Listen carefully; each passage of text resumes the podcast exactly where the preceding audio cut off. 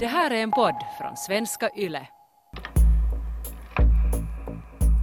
Låt mig ge dig tre bilder att tänka på. 1. En ung naken kvinna ligger mördad på en klippa. Kroppsställningen är lika konstig som strålkastarljuset är bländande. 2. En ung kvinna har styckats och ligger infrusen i ett badkar i en lada ute på en åker. 3. En kvinna i 30-årsåldern hittas invirad i plast och nedgrävd på en strand. I hennes bleka händer har mördaren placerat ett fång vita liljor.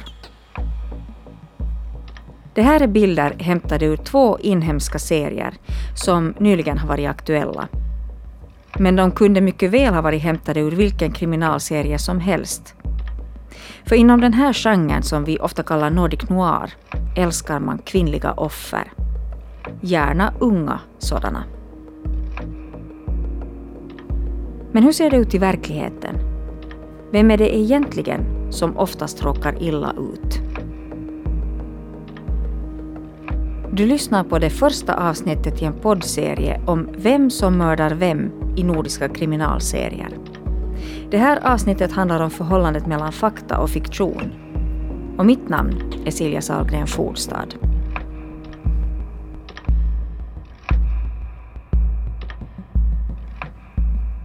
När jag följer en mordutredning på film eller i tv-serievärlden så funderar jag ofta på hur trovärdigt det hela är.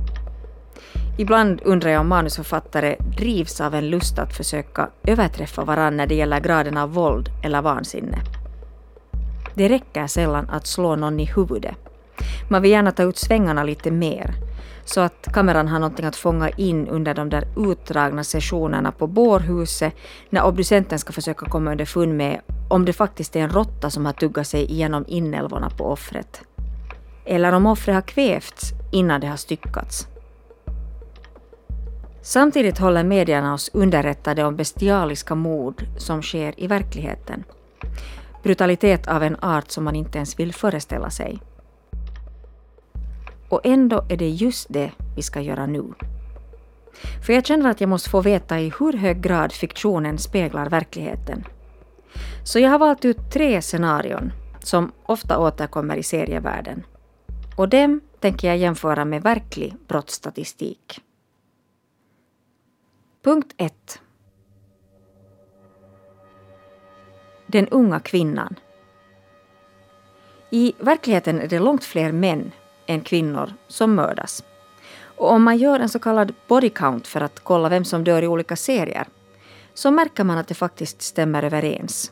Det är ofta fler män än kvinnor som dör i de här serierna. Men väldigt ofta är det ändå de mördade kvinnorna man minns bäst och talar mest om. De får helt enkelt mera tid och mera uppmärksamhet. De är ofta nakna och placerade på ett konstfullt sätt. Och de nagelfars både på mordplatsen och på obduktionsbordet. Det här är en punkt som man ganska snabbt kan skjuta sönder med en liten faktacheck. Enligt Brottsförebyggande rådet i Sverige är genomsnittsåldern för de kvinnor som utsätts för dödligt våld 44 år. Över 30 procent av de kvinnor som dödas är över 60 år. På Institutet för kriminologi och rättspolitik bekräftar forskare Martti Lehti att de här siffrorna är jämförbara med läget i Finland. Med den skillnaden att procenten gällande äldre offer är något lägre. Hos oss har andelen mördade kvinnor över 60 år legat på 22 procent under 2010-talet. Så jag försöker dra mig till minnes när jag senast i en inhemsk tv-serie från 2010-talet har sett kameran zooma in ett frodigt, naket kvinnligt offer i övre medelåldern. Kommer du på någon? Punkt 2. Kroppen hittas på en laddad plats. I serier så påträffas mordoffren ofta utomhus. Inte minst när det gäller kvinnorna. Man hittar dem i skogen eller på stranden, ibland nakna eller invirade i plast. En del är mer eller mindre hafsigt begravda.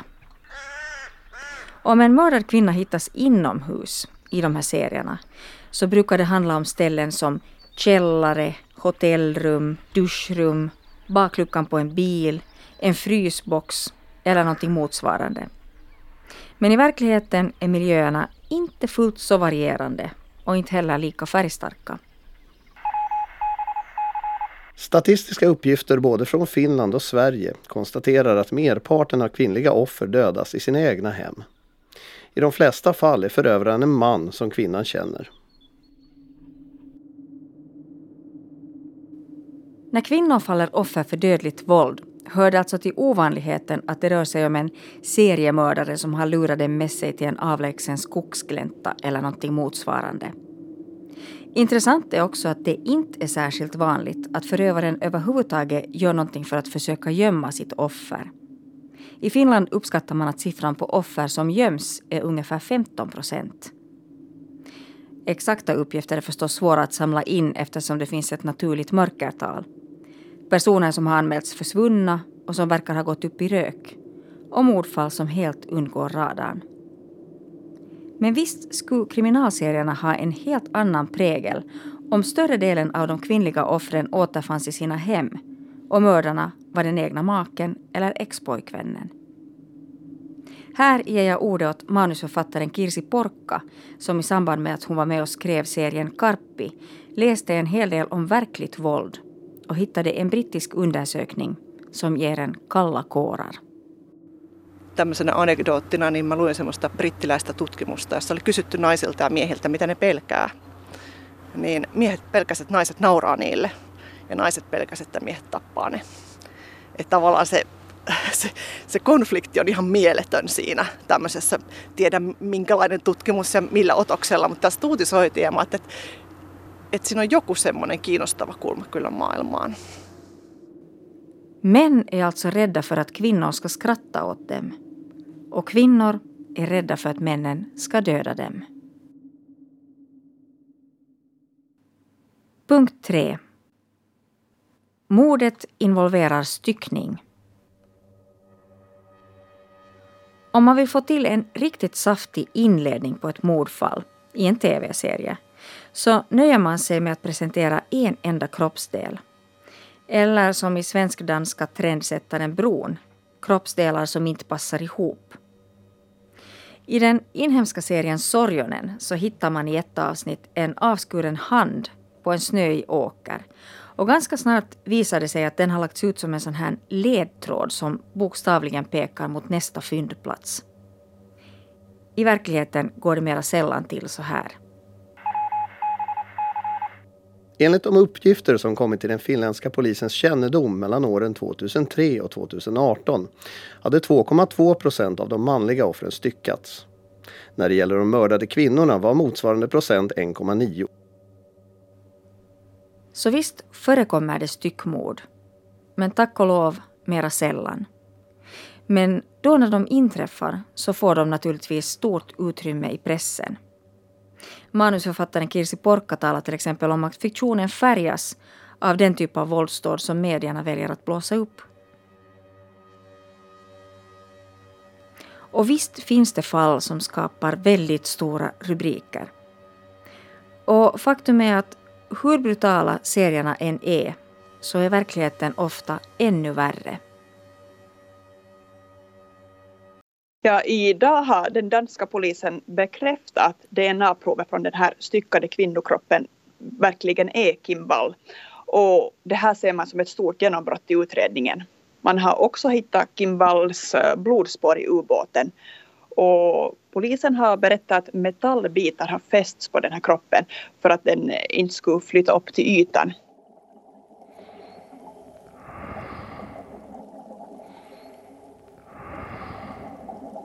Journalisten Kim Walls öde är fullt av detaljer som det faktiskt gör ont att ta del av.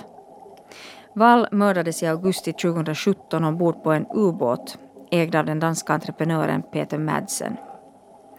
Och det här fallet det kommer snart att bli en tv-serie. Och i november 2019 kunde vi ta del av ett annat extremt fall när den ryska historieprofessorn Oleg Sokolov dödade sin 40 år yngre kollega och älskarinna Anastasia Jeshenko. Detaljerna kring det här fallet är så groteska att ingen manusförfattare i världen skulle kunna sälja en sån idé. Den skulle helt enkelt uppfattas som alltför otrovärdig. Jag menar, först sköt han henne. Sen höll han en middagsbjudning med like kvar i lägenheten.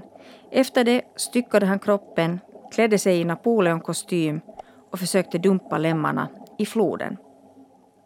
Tanken var att han sen skulle ta livet av sig, men eftersom han var berusad föll han i och räddades undan en säker drunkningsdöd. Jag menar, hur sannolikt låter det här?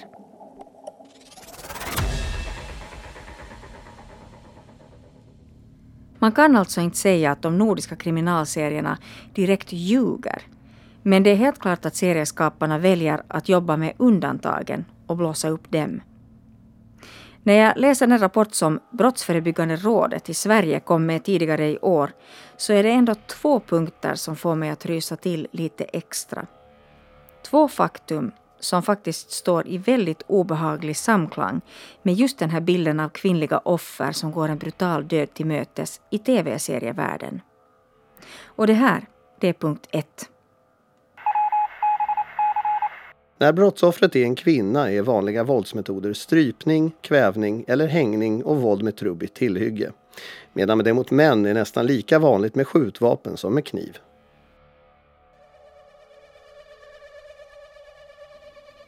Det här stöder ju verkligen seriernas eviga skildringar av kvinnliga offer som råkar ut för brutala, utdragna angrepp i närbild. De blir inte skjutna i en gänguppgörelse och de faller inte offer för ett knivhugg i ett hastigt uppflammande slagsmål. Nej, de mördas av någon som rent fysiskt måste befinna sig på en armlängds avstånd och som måste ha den fysiska styrka och känna det emotionella hat som krävs för att nästan med händerna ta livet av någon. Och den andra punkten som jag fäster mig vid handlar om bakomliggande motiv och lyder så här. När kvinnor utsätts för dödligt våld beror det i första hand på separation och svartsjuka. Psykisk ohälsa hos gärningspersonen och kraftig berusning är andra orsaker som utlöst händelserna med kvinnliga brottsoffer. När jag tittar lite närmare visar det sig att just de här siffrorna över psykisk ohälsa är helt olika när det gäller manliga och kvinnliga offer. Det är nästan tre gånger vanligare att kvinnor mördas av någon som lider av psykisk ohälsa än att män gör det. Män som mår illa och riktar sin aggression mot kvinnor den bilden passar väldigt bra ihop med mycket av det våld vi ser inom fiktionen. Men hur är det med den där i plast invirade kvinnan på stranden som vi har talat så mycket om?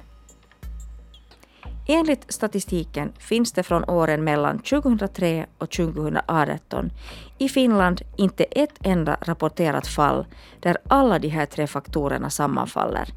Ung kvinna, invirad i plast, funnen vid vatten. Forskaren Martti Lehti från Institutet för kriminologi och rättspolitik konstaterar att det här scenariot inte är omöjligt, men alltså allt annat än vardagligt. Statistiken ger alltså klara besked om vad fiktionen får rätt när det gäller verkligheten. Men det som nu istället håller mig sömnlös är frågan om i hur hög grad fiktion och fakta föder varann. Mår vi bra av att titta på mord från morgon till kväll? Den frågan kan jag tyvärr inte lova att besvara. Men det jag däremot kan lova är att du i nästa avsnitt får träffa två skådespelare som vet hur det känns att spela offer och förövare. Gång efter annan. Jag har inte räknat hur många människor jag har dödat på film. Men vi, vi talar om flera tiotal. Och då är det ganska få jag har skjutit. Du har lyssnat på det första avsnittet i serien vem mördar vem i våra nordiska kriminalserier. För ljudbilden stod Anne Heikkilä, Thomas Silén medverkade med uppläsning, Staffan von Martens producerade och mitt namn är Silja Salgren Fordstad.